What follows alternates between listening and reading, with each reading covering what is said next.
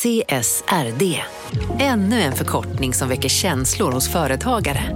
Men lugn, våra rådgivare här på PWC har koll på det som din verksamhet berörs av. Från hållbarhetslösningar och nya regelverk till affärsutveckling och ansvarsfulla AI-strategier. Välkommen till PWC. Välkommen till Unionen. Hej! Eh, jo, jag ska ha lönesamtal och undrar om potten. Ja, om jag kan räkna med övertidsersättning för det är så stressigt på kontoret jag jobbar hemma på kvällarna så kan jag då be om större skärm från chefen för annars kanske jag säger upp mig själv. Och hur lång uppsägningstid har jag då? Okej, eh, vi börjar med lön. Jobbigt på jobbet. Som medlem i Unionen kan du alltid prata med våra rådgivare. Upptäck hyllade XPeng G9 och P7 hos Bilia. Våra produktspecialister hjälper dig att hitta rätt modell för just dig. Boka din provkörning på bilia.se xpeng redan idag. Välkommen till Bilia, din specialist på XPeng. peng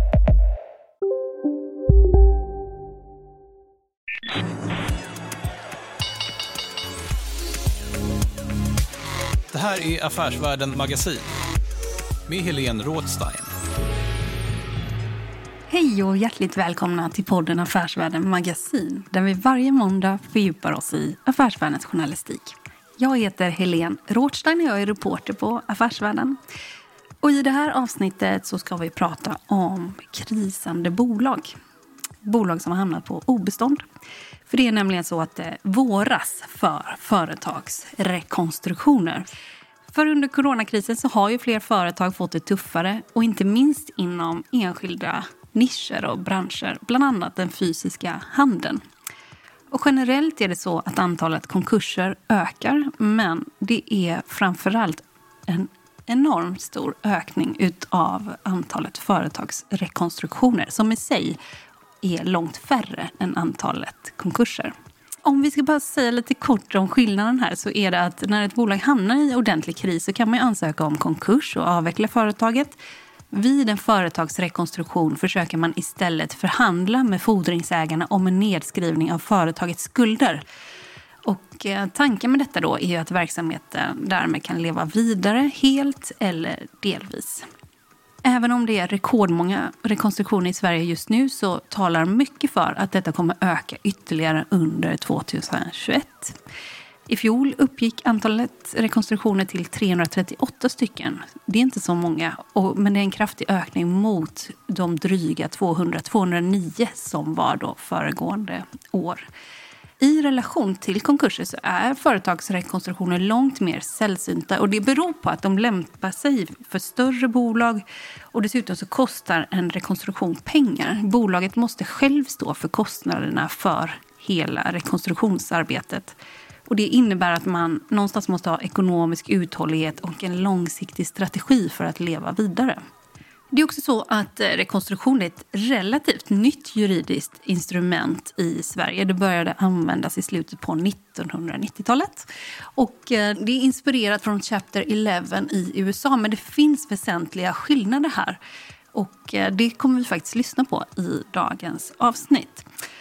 Det är också så att eh, företagsrekonstruktioner där man försöker då rädda en verksamhet, många av dem lyckas inte på sikt utan de följs senare av en konkurs.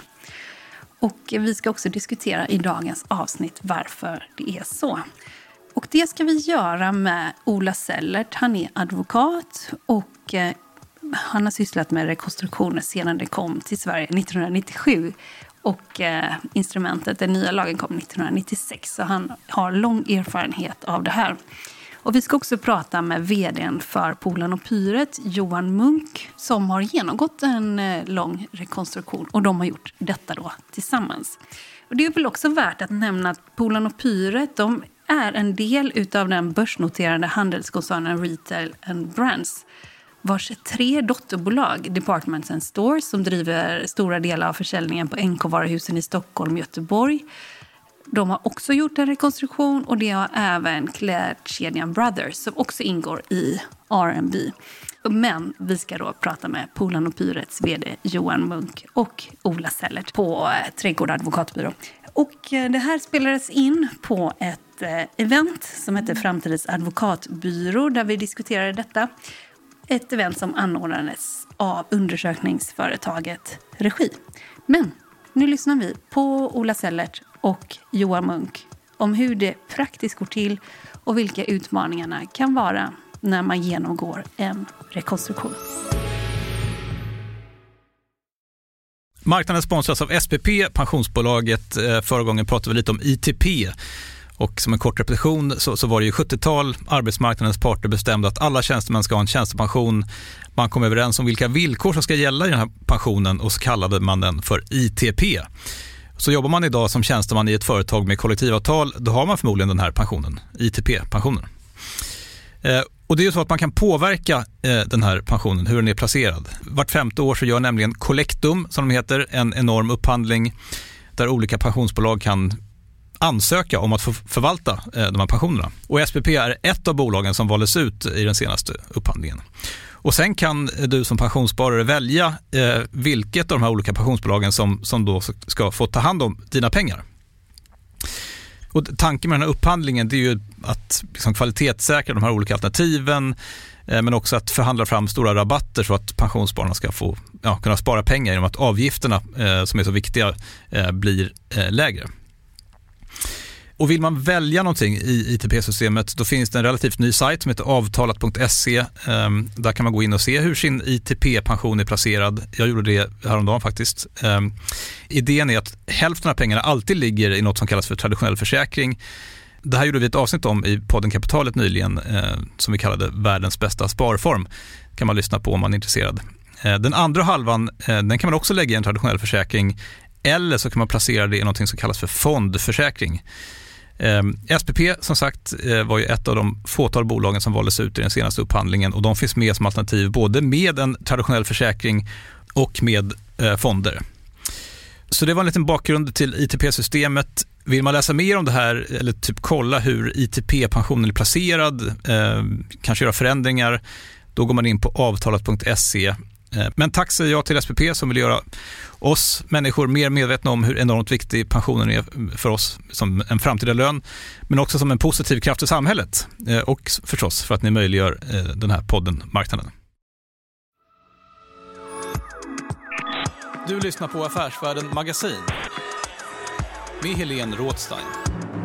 Nu sa jag att ni är två experter. Ola Sellert, jag skulle säga att du är en frivillig expert inom rekonstruktion som advokat, kan man väl säga. Det kan man säga.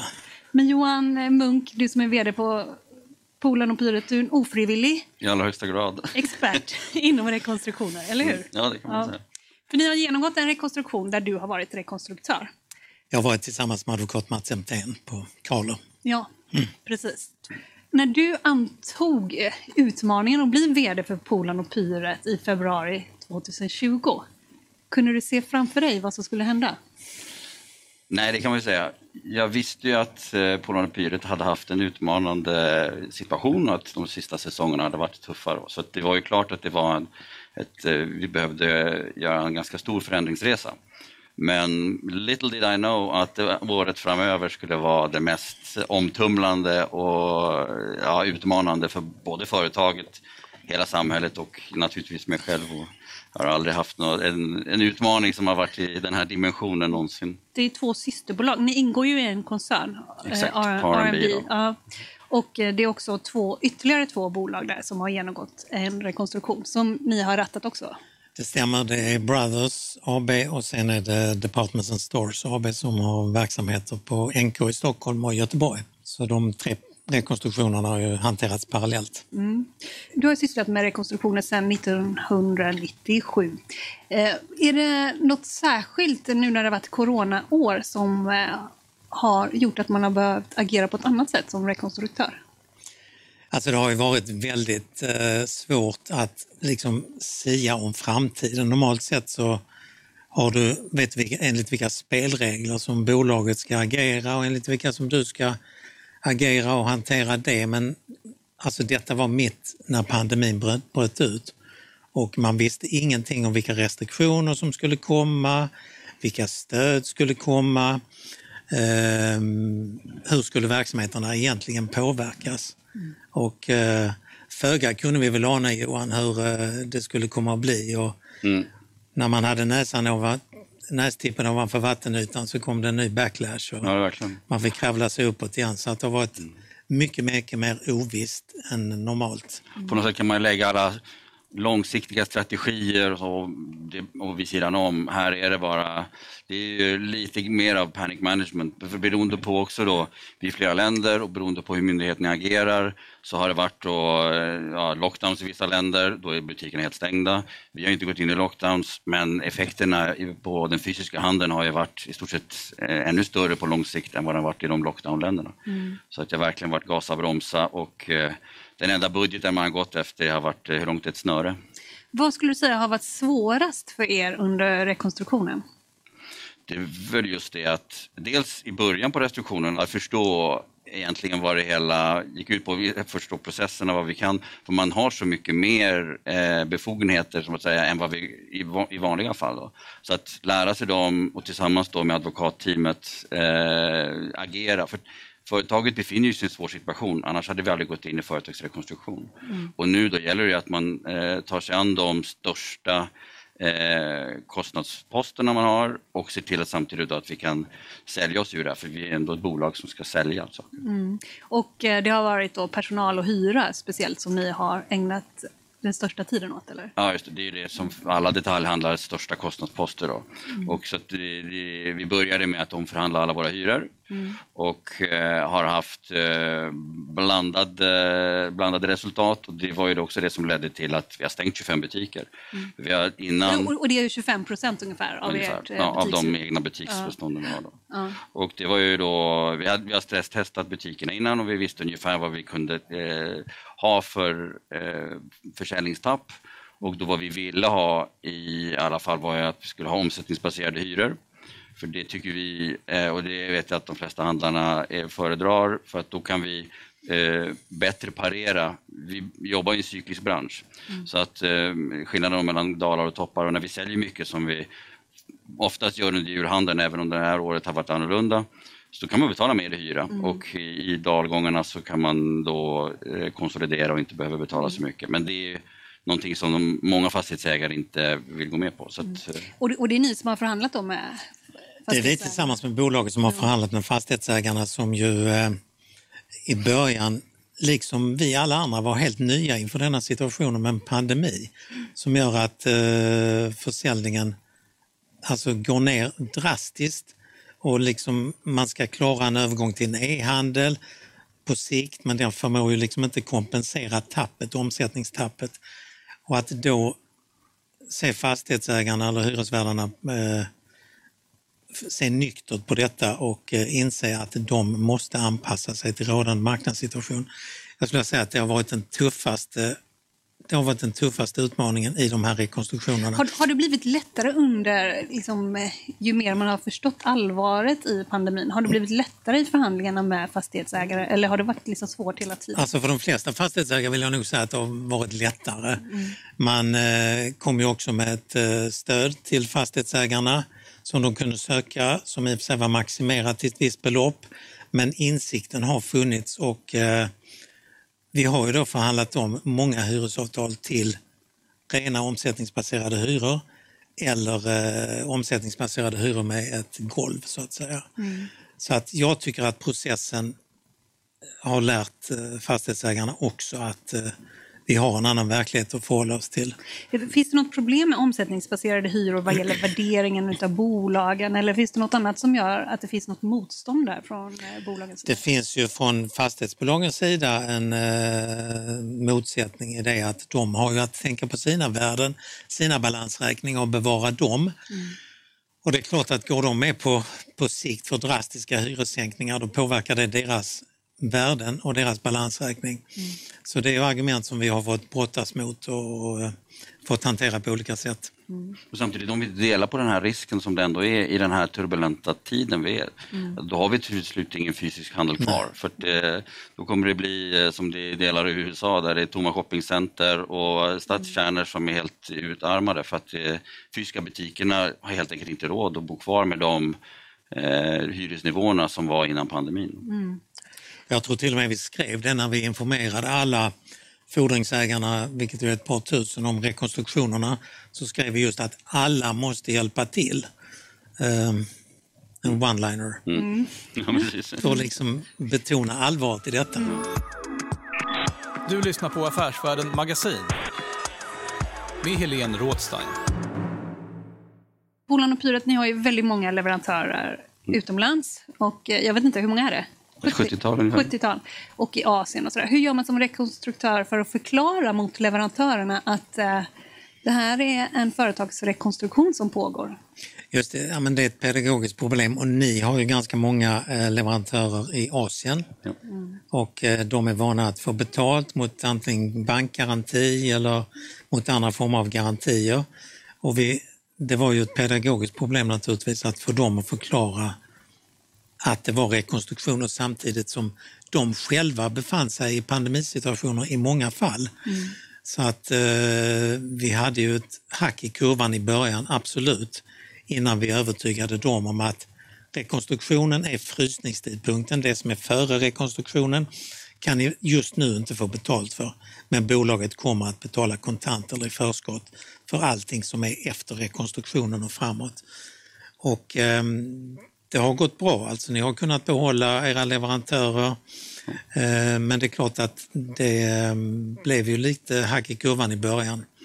Så det var ett pedagogiskt problem. Och sen hade de ju som sagt var sina lockdowns eller besvär att hantera på hemmaplan, till exempel Indien, Mm. Bangladesh. Precis. Och pandemin började ändå i Kina. Ja. Så att de hade ju också det i början och har fortfarande eh, st- stora restriktioner. Och sen, det är en pedagogik i början och sen blir det då, sen blir vi nästan favoritkunderna för att man får inte skuldsätta sig under rekonstruktionen så då behöver vi betala i förskott. Och det är också någonting då som i vanliga fall har man betalningsvillkor så att man betalar eh, med normala betalningsvillkor. Då. Men nu var det då, och det skapar ju också en, en press på organisationen. Att, På eh, er organisation? Ja, absolut. Man går ju då från att ha normala eh, betalningsvillkor där man betalar efterskott till att då behöva betala i förskott. Och det är ju, så att, eh, man har, ju- jag har aldrig följt eh, de bolagen jag jobbat med kassaflöde på nästan dagsdato. Man ser eh, ungefär som privatekonomin, man ser har vi några pengar att betala för den här eh, idag? Ja, då gör vi det. Och sen så kan vi hålla igen eh, några dagar med att lägga den ordern för att eh, för vi behöver liksom samla på. Då är ju också viktigt fokus med att man driver försäljningen för det är ju då som vi får pengar in att betala. Så det är verkligen väldigt, väldigt kortsiktigt för att eh, få det hela att gå runt. Då. Men det har ju också varit jätteviktigt i detta att ha koll på kassaflödet och kunna anpassa inköpen till försäljningen, vilket ju har varit ja, det är också som att sticka upp fingret i luften nästan. Ja. Men, men, och inte Ja, för man vet inte hur försäljningen Nej, du vet inte ut. hur försäljningen Nej. går och du får ju inte bygga lager alltså, utan eh, du måste liksom anpassa kostymen rätt hela tiden. Men det har ni varit väldigt duktiga. Och vi har ju, vilket ju är ett väldigt viktigt verktyg för oss jurister, att vi har eh, ekonomer som är vana rekonstruktionsekonomer. Och här har vi haft eh, ekonomen Peter Jönsson som liksom har stöttat både oss rekonstruktörer och er i bolaget för att planera likviditeten så detaljmässigt som möjligt. Det har ju varit en väldigt viktig del. Det har varit ovärderlig att ha den. Eh, med då, han har ju jobbat tillsammans med vår ekonomiavdelning. Att, se det- för det, någonstans så är det att vi ska göra en, en turnaround och vi hade ett negativt resultat och nu måste vi se till att resultatet blir så bra som möjligt. Så allting handlar ju om att man också ska göra den här ekonomiska eh, omställningen då och då gäller det att ha koll på sina pengar. Det är ju rekordmånga rekonstruktioner i Sverige just nu. Det har aldrig varit så här många. Då, och ändå är de ganska få i antalet till konkurser kan man säga. Men eh, har vi nått, är vi på toppen nu? Kommer det mer? Eh, Jag tror att det kan göra det absolut under, under 2021, definitivt. Och antalet konkurser var väl relativt oförändrat för 2020, men är ju mång, mångdubbelt mer än rekonstruktionerna. Men rekonstruktionerna kommer säkert öka. Det är bara det att nu har vi under ganska lång tid haft en, en utsvultnings... Alltså det har liksom tagit väldigt mycket buffertar på bolag som, som har tvingats anpassa sig i pandemin. Så att ska vi fortsätta med rekonstruktioner under 2021 så är det jätteviktigt att, att vi får stödpaket som underlättar för bolag som i grunden är sunda och driva verksamheterna vidare och överbrygga pandemin. Att du tror att det kommer bli fler, beror det på en andra våg här vi har fått? Eller va- varför tror du att vi får Det beror, fler? väl, det beror väl både på eh, den här andra vågen och eh, sen beror det ju säkert också på att många bolag har drabbats så hårt under den här första vågen så att de kanske inte klarar sig över krönet utan de måste kanske få en anhämtning i den här andra vågen eller till hösten eller så att man måste gå in i rekonstruktion av den anledningen. Tänkte du när du klev på vd-stolen att det här kanske man ändå borde ha gjort lite tidigare? Vi hade ju eh, gått igenom en förändringsprocess ändå. Det är bara att det här har ju accelererat upp det. Så det är ju, vi har väl egentligen gjort en femårsplan på fem månader med då, tack vare rekonstruktionen. Så det har ju varit en, en enorm förmån för oss att kunna gå in i rekonstruktion och stöpa om bolaget. Och nu, är vi, nu har vi eh, verkligen landat, vi är mycket mer stabila. Och även om världen runt omkring oss fortsätter att vara extremt turbulent så zigzaggar vi igenom. Och det är just den här eh, att vi, vi kan, som man säger på vårt branschspråk, att vi har en omnikanalstänk, att vi, vi sätter kunden i mitten. Och oberoende av om du som Polonopyri-kund vill handla på nätet eller i butik så ska vi finnas där. Och då har vi lyckats styra om med då, eh, de olika kundströmmarna. Då. Så när kunderna har övergett våra butiker så har vi kunnat fånga upp dem på nätet och då vi jobba eh, mer som en e-handlare under den här perioden då för att då fånga upp dem på nätet istället. Då. Ni är också ute till försäljning just Ja. nu. Eh, vad var det anledningen till att ni genomgick en företagsrekonstruktion från början för att ni skulle säljas? Eller var det något som växte fram under tiden? Och det är de andra systerbolagen också ju. Nej, det har varit publikt att eh, rb koncernen har varit till salu en längre tid så det var inte eh, det var inte den anledningen som eh, vi gjorde rekonstruktionen. Men nu kan vi säga att efter rekonstruktionen så har vi ökat värdet på bolaget. Eh, vi har ju gjort den eh, turnarounden som kanske någon annan skulle gått in och sett en potential att göra medan nu har vi eh, gjort den då på egen hand så att säga. Är Jag vill det, bara tillägga där eh, att anledningen till rekonstruktionen är ju att ni inte kunde betala era skulder i takt med att de förföll till betalning. Sen har det ju kanske vilken bidragit start! Det, har ju, jo, men det är liksom det som är utgångspunkt för resonemanget här. Ja. Men sen har ju det bidragit naturligtvis till att ni på kort sikt kunnat genomföra åtgärder som hade tagit mycket längre tid annars. Ja, just det, för det är ju framförallt då, som jag sa, att en av de stora fokuspunkterna har varit att eh, omförhandla alla hyrorna. Och där sitter man ju, vi har ju långa avtal så att eh, där har vi ju suttit på, i flera år till i vissa lägen av de, då, de 25 butikerna som vi har stängt. Så att eh, det är ju någonting som företagsrekonstruktionen ger oss, möjligheten att, att eh, säga upp ett avtal omedelbart, lämna in nycklarna och eh, så stänger vi den butiken. Och det är väl den ena biten. Och den andra viktiga biten har ju varit eh, lättnader i personalkostnaderna. Därför att den statliga lönegarantin har gått in och kunnat täcka eh, de anställdas löner och underlättat också att de har kunnat anpassa personalbehovet eh, behovet till den bantade organisationen. Det är ju många som genomgår en företagsrekonstruktion som inte överlever två år efter en rekonstruktion. Varför ser det ut så? Det finns väl flera skäl till det. För det första, det här är ett ganska omständigt och kostsamt förfarande att gå igenom en företagsrekonstruktion. Många bolag som går in i det här bär inte de kostnaderna. De är helt enkelt för små tror jag. Och sen så begränsar man sig ofta till en finansiell rekonstruktion, det vill säga till ett ackord. Vi skriver av 75% av skulderna och är, sen är vi happy. Eh, och sen tror man att man kan köra vidare i gamla hjulspår.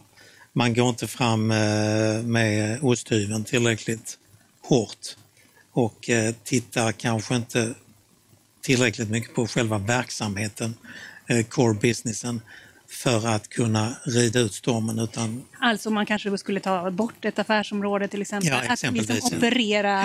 du ska operera patienten Ja. och måste gå rätt hårt fram med kniven. Ja. Men vems ansvar är det att göra det? Det är väl rekonstruktörernas ansvar att göra det? Eller Ja, det är ju ytterst är det ju styrelsens ansvar Ja, men det är klart ja. att vi har ju naturligtvis en jätteviktig roll att spela där och eh, försöka guida styrelse och ägare i den delen. Men det är fortfarande de som ytterst bestämmer. Så är det ju inte en konkurs, där går en konkursförvaltare in. Men i en rekonstruktion är det fortfarande styrelsen som har kvar sin firmateckningsrätt och sina mandat och sen blir vi en form av rådgivare till styrelse och en samtalspartner till de som bolaget eh, har skulder till. Detta att bara fokusera på den finansiella delen, då, att rätta till det finansiella problemet, eh, det är väl också det som skiljer sig åt om man tar Sverige jämfört med andra rekonstruktioner internationellt? Om man tar som Chapter 11 i USA till exempel, eller? Just det, det kan man säga. Där eh, ska man ju liksom fastställa, där ställer du krav på att du ska ha en konkret plan som en del i rekonstruktionen, en verksamhetsplan. Hur ska patienten opereras? Vad ska du göra för ingrepp för att patienten ska bli frisk? Den ska också fastställas i domstol och fordringsägarna som då också kan indelas i olika grupper beroende på intresse får rösta. Så där har du fokus även på en verksamhetsrekonstruktion förutom den rent finansiella rekonstruktionen. Mm. Och det tror jag är väldigt viktigt att eh, vi tar till oss här i Sverige. Mm. Därför att i många fall, som jag sa, så gör man ett ackord med fordringsägare och sen så går det ändå i backen efter en tid. Mm. För det kan man säga om man jämför med oss då, att vi, det var inte, vi har ju fått ner kostnadsmassan tack vare rekonstruktionen. Mm. Men om vi bara hade stannat där och inte tittat på försäljning och hur vi skulle kunna sälja oss ut här, då tror jag inte att, ja, då hade inte vårt eh, resultat varit så bra som det är nu. För att vi också lyckats kunna svänga över och faktiskt hålla uppe försäljningen då med andra kanaler än vad vi annars hade haft mm. och andra sätt. Vi har också försökt tänka lite utanför boxen, vara lite innovativa, ge eh, vårt fantastiska team möjligheten att testa nya saker som gör att vi faktiskt då kunde vara relevanta för kunden i den här nya turbulenta miljön som vi lever i. Mm. Jag tänker, du som också ganska ny VD, du gjorde det av med väldigt många, ni stängde 25 butiker. Till varje butik är det hur många personer? 5-10? Ungefär. Ja, 5-10 personer kopplade till varje butik. Det är väldigt många personer som har omfattats och som mm. drabbats av er mm. rekonstruktion. Hur har det varit för dig? Det är det absolut jobbigaste som ansvarig att behöva säga upp personal. Och vi har ett fantastiskt team. Och att då behöva säga upp människor som egentligen inte har gjort, det är inte deras fel så att säga, det är vi som företag. Det är arbetsgivarens fel. Ja, ja men det är att vi har inte lyckats driva verksamheten så pass bra och lönsamt att de ska få ha kvar jobbet. Mm. Det är jätte, jättejobbigt och där har vi haft en enorm förståelse. Det, vi har ett, ett extremt bra team och det är också det som vi har lyckats ta oss igenom det här tack vare att vi har ett fantastiskt butiksteam huvudkontorsteam och de som jobbar med e-handeln där vi också har krokat arm med en eh, extern partner för att kunna Eh, dem, eh, no Waste heter de i mm. Helsingborg mm. som då tar hand om hela vår e-handelslogistik. Eh, mm. Och det, det, är också mycket tack vare dem, med att vi inte riktigt har kunnat eh, styra eh, kundströmmarna så vet vi egentligen inte från en dag till en annan hur mycket som kommer landa på e-handeln. Mm. Och de har varit helt fantastiska att få ut de här volymerna för det är ju också det är enkelt att sälja men sen ska man kunna leverera också.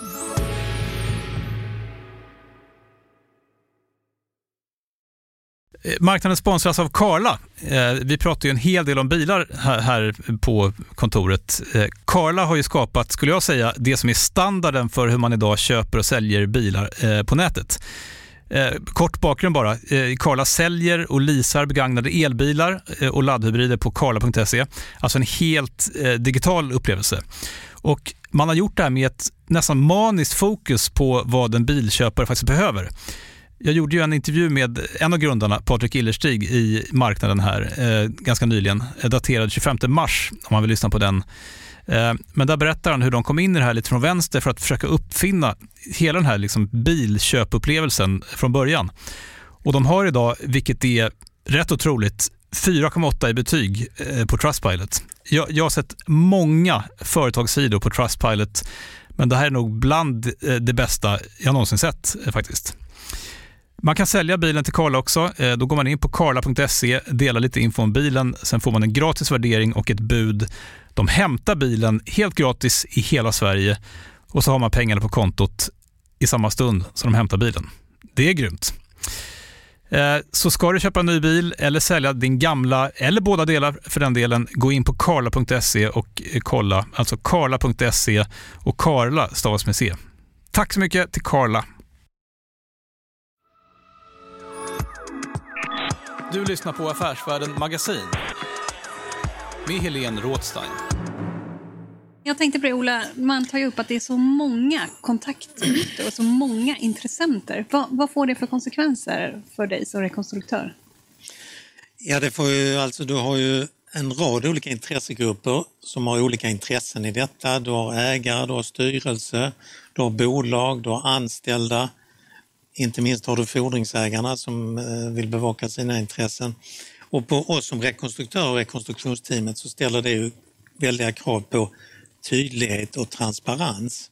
och informationsgivning till samtliga inblandade skulle jag vilja veta. Skulle jag veta eh, vill jag säga. Och, ehm, det är klart att ju större bolaget är och ju fler intressegrupper du har att se till, desto mer viktig blir den uppgiften. Eh, Eh, och vi har ju ofta i, i våra rekonstruktioner så har vi i början eh, möten varje dag med, med främst bolaget, men då veckovis kanske med övriga, övriga intressenter, banker, övriga långivare, de som, kan ha, de som har ett intresse av att eh, ha insyn i rekonstruktionen. Naturligtvis i den del som vi kan. Men, men informationsgivningen, transparensen, tydligheten är ju jätteviktig. Mm, det är nästan som en kommunikationsplan man Ja, det är eller? väldigt viktigt. Vi har också faktiskt eh, i vissa fall hjälp av professionella kommunikatörer Har ni det? Ja. för att också veta hur vi ska eh, möta marknaden. Det kan vara väldigt känsliga frågor, det kan vara känslig börsinformation som inte får kommuniceras hur som helst. Så där tar ju vi in våra underkonsulter tillsammans med bolaget för att se till att just den delen fungerar eh, bra. Det togs ju upp här i studien att det handlar så mycket om projektledning med, och med risk för att skapa lite dålig stämning här. Vad skulle du säga att de hade kunnat göra bättre, advokaterna och eh, deras team? Vad hade Ola kunnat göra bättre? Vad hade Ola kunnat göra bättre? Ja. Nu, här, Nu blir det live. utvärdering. Ja. Sanningens minut. Ja, verkligen. Eh, generellt sett så var vi jättenöjda. Det, var, det gick ju eh, bra och snabbt och det var ju av någon anledning. Det var för att vi var, hade bra guidning. Eh, sen uppstarten var ganska kaotisk och det var ju det jättemånga människor som kan prata med jättemånga människor så det är ju upplagt för att det ska gå eh, lite så, Men vi, relativt snart så fick vi några ja, dagsmöten och sen så var det, okej, i takt med tiden, veckomöten och annat. Det var väldigt viktigt att få upp allting och där Eh, så vi landade väldigt snart. Vi hade kanske hoppats på någon checklista med allting som ska göras, så man bara kan eh, bocka av dem och sen springa vidare i och med att det är ett otroligt nytt sätt att jobba på. Eh, och man har hela tiden, det, det är väldigt mycket tidspress. Men jag tycker vi landade väl, väldigt, väldigt fort. Det var ganska turbulent i början och sen och vad vi hade lite utmaningar, det är tillbaks till det med personaldelen, att det känsligaste för oss var ju att säga upp eh, vår fantastiska personal och då ville vi göra det på ett så schysst sätt som möjligt. Och där var det ju, det var lite osäkerheter. Det var dels då att vi då också hade det var pandemin, de extra eh, stöden som vi fick av staten eller inte. Och det var det liksom, vi, vi hade en del utmaningar där i början på vårdelen då som sen landade. Just det, för man får, inte få, man får inte genomgå en rekonstruktion och få de här stö, stöden som kom under pandemin, eller hur? Nej, Ja. precis. Så att man fick, kunde inte spela på bägge planhalvorna. Och det är fine, men, eh, det, så, att- men i stora drag så skulle vi nog dem eh, eh, nästan en tia. Ja, bra. Men där var ju just en viktig del där vi just hade eh, kommunikationsbiten som jätteviktig i början och där vi just faktiskt med, hjälp, eller med biträde av en kommunikationsbyrå gjorde Q&As för kunder, leverantörer, personal för att ta det mesta möjliga digitalt. Ja. För det var ju helt omöjligt med den anstormningen av människor eh, och intressenter att lösa detta annat än digitalt mestadels. Och, och det här var tre bolag där vart och ett av bolagen är ju en, stor, en väldigt stor rekonstruktion vill jag säga. Eh, för, var för sig själv separat och här fick vi tre på en gång. Så det var ju väldiga utmaningar när det gäller kommunikationen. Eh, eh, För om man vänder på frågan, vad är det viktigt att tänka på om man är ledningsgrupp och befinner sig under en rekonstruktion?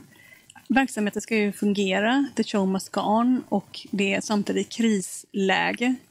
Vad, vad, vad är ert svar och vad är ert råd till eh, lednings... Ja, det är ett, par bitar. Alltså dels är det, det mest, eh, den affärsmässiga biten. Eh, vad ska du göra med affären?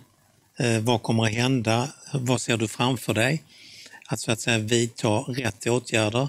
Ofta gå rätt hårt fram eh, trots att det smärtar för att kunna hitta, se ljuset i tunneln och kunna hitta vägen framåt. Och sen finns det också i detta för styrelsen eh, ansvarsfrågor som är jätteviktiga. Eh, ansvaret för skulder, eh, aktiebolagsrättsliga frågor som de också måste balansera i detta. Så att eh, det är både business as usual men det är också du måste hela tiden vid sidan av det ha de legala aspekterna så att du kan hålla ryggen fri om du skulle gå överstyr. Jag tänker berätta om man ska göra om hela verksamheten, vem är det som ska bedöma vad som... Alltså bevisligen eh, har ju, kanske inte i det här fallet då, men så har ju, man ju haft en ledning som har lett bolaget, eller så har det varit en pandemi som har gjort att eh, bolaget har hamnat på obestånd.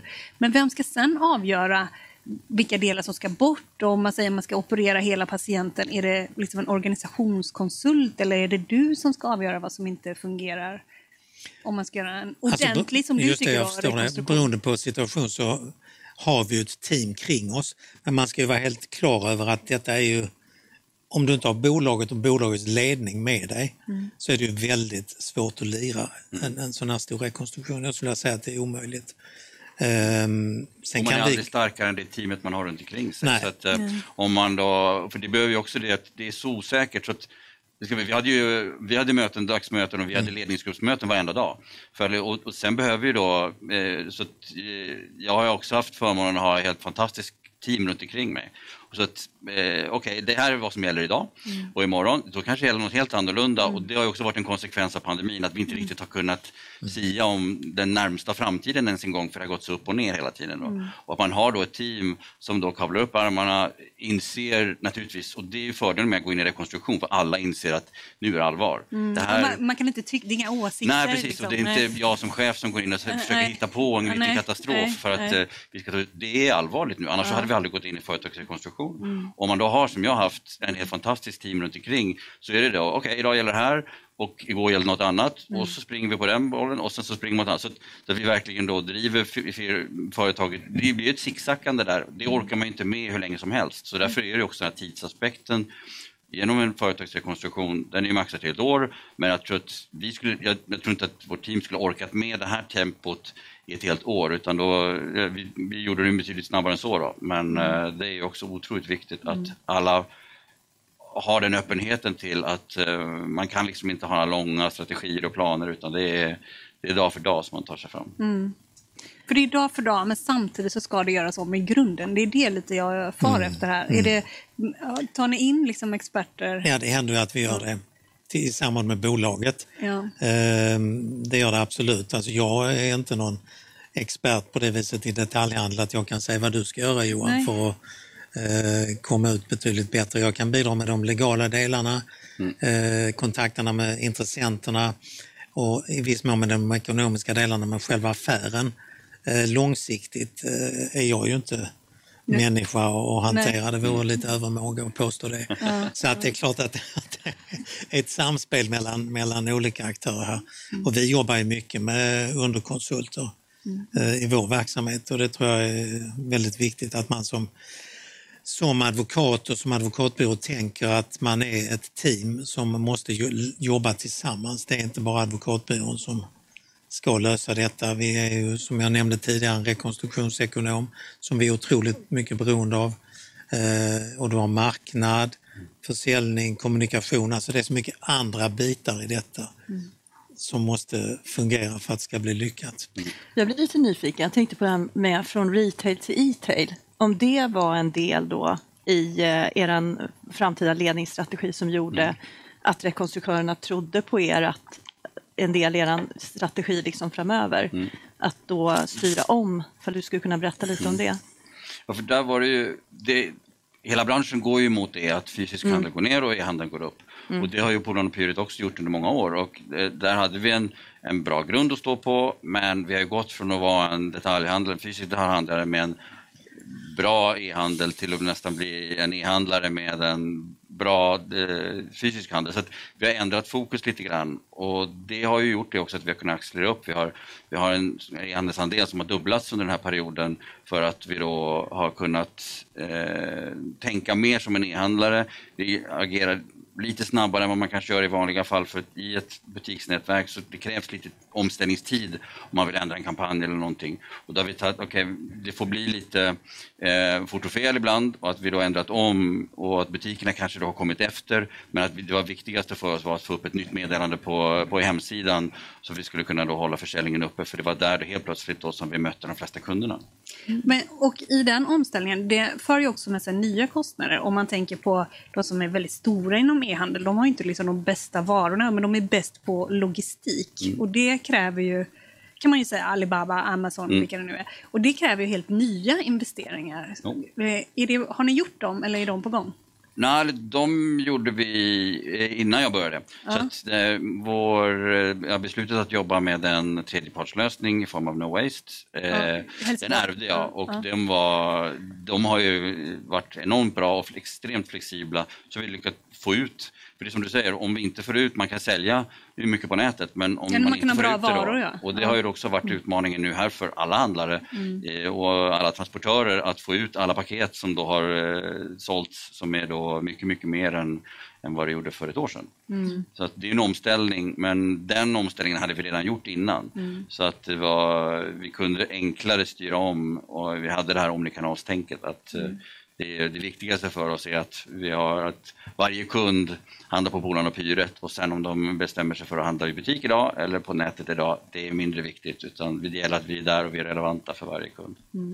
Men det var ju lyckosamt i ert fall, men ofta är det så att du är mitt inne i ett investeringsprojekt. Till exempel när det gäller IT är ju ganska vanligt nu i rekonstruktioner som är lite större.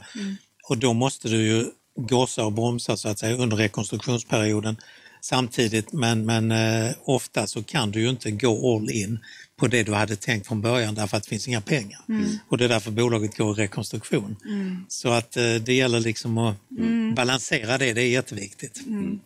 Ja, för, ja, precis. För du får inte investera hur mycket som helst, eller?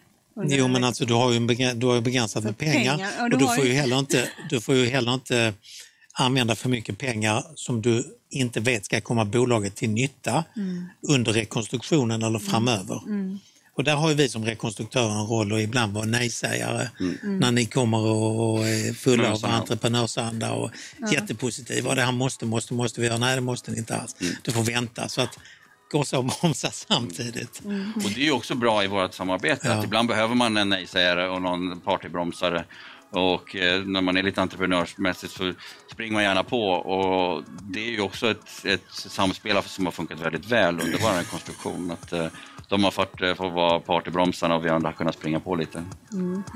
Jag säger tack så jättemycket för att ni kom hit, eh, Ola Sellert och eh, Johan Munk. Och tack för att ni så generöst delade med er, får jag väl säga, utav era erfarenheter. Det är inte så ofta man träffar en advokat och en klient tillsammans. Nej. Som inte bråkar. Ja, som inte bråkar, eller? Exakt. Nej. Ja. Än så länge går det bra. Det är helt okej. Ja. Ja. Tack för att vi fick komma. Tack så mycket. Tack. Du har lyssnat på podden Affärsvärlden Magasin med mig, Helene Rothstein, som idag har intervjuat Ola Sellert, advokat med mångårig erfarenhet från att rekonstruera bolag. Och sen så har vi också lyssnat på Johan Munk som var väl en ofrivillig expert inom rekonstruktion kan man säga. VD för Polan och Pyret. Mer information och fler artiklar och fler reportage hittar du på affärsvärlden.se. Där finns också flera börsanalyser som vi gör hela tiden. Och den här podden, den är tillbaka om en vecka. Håll ut!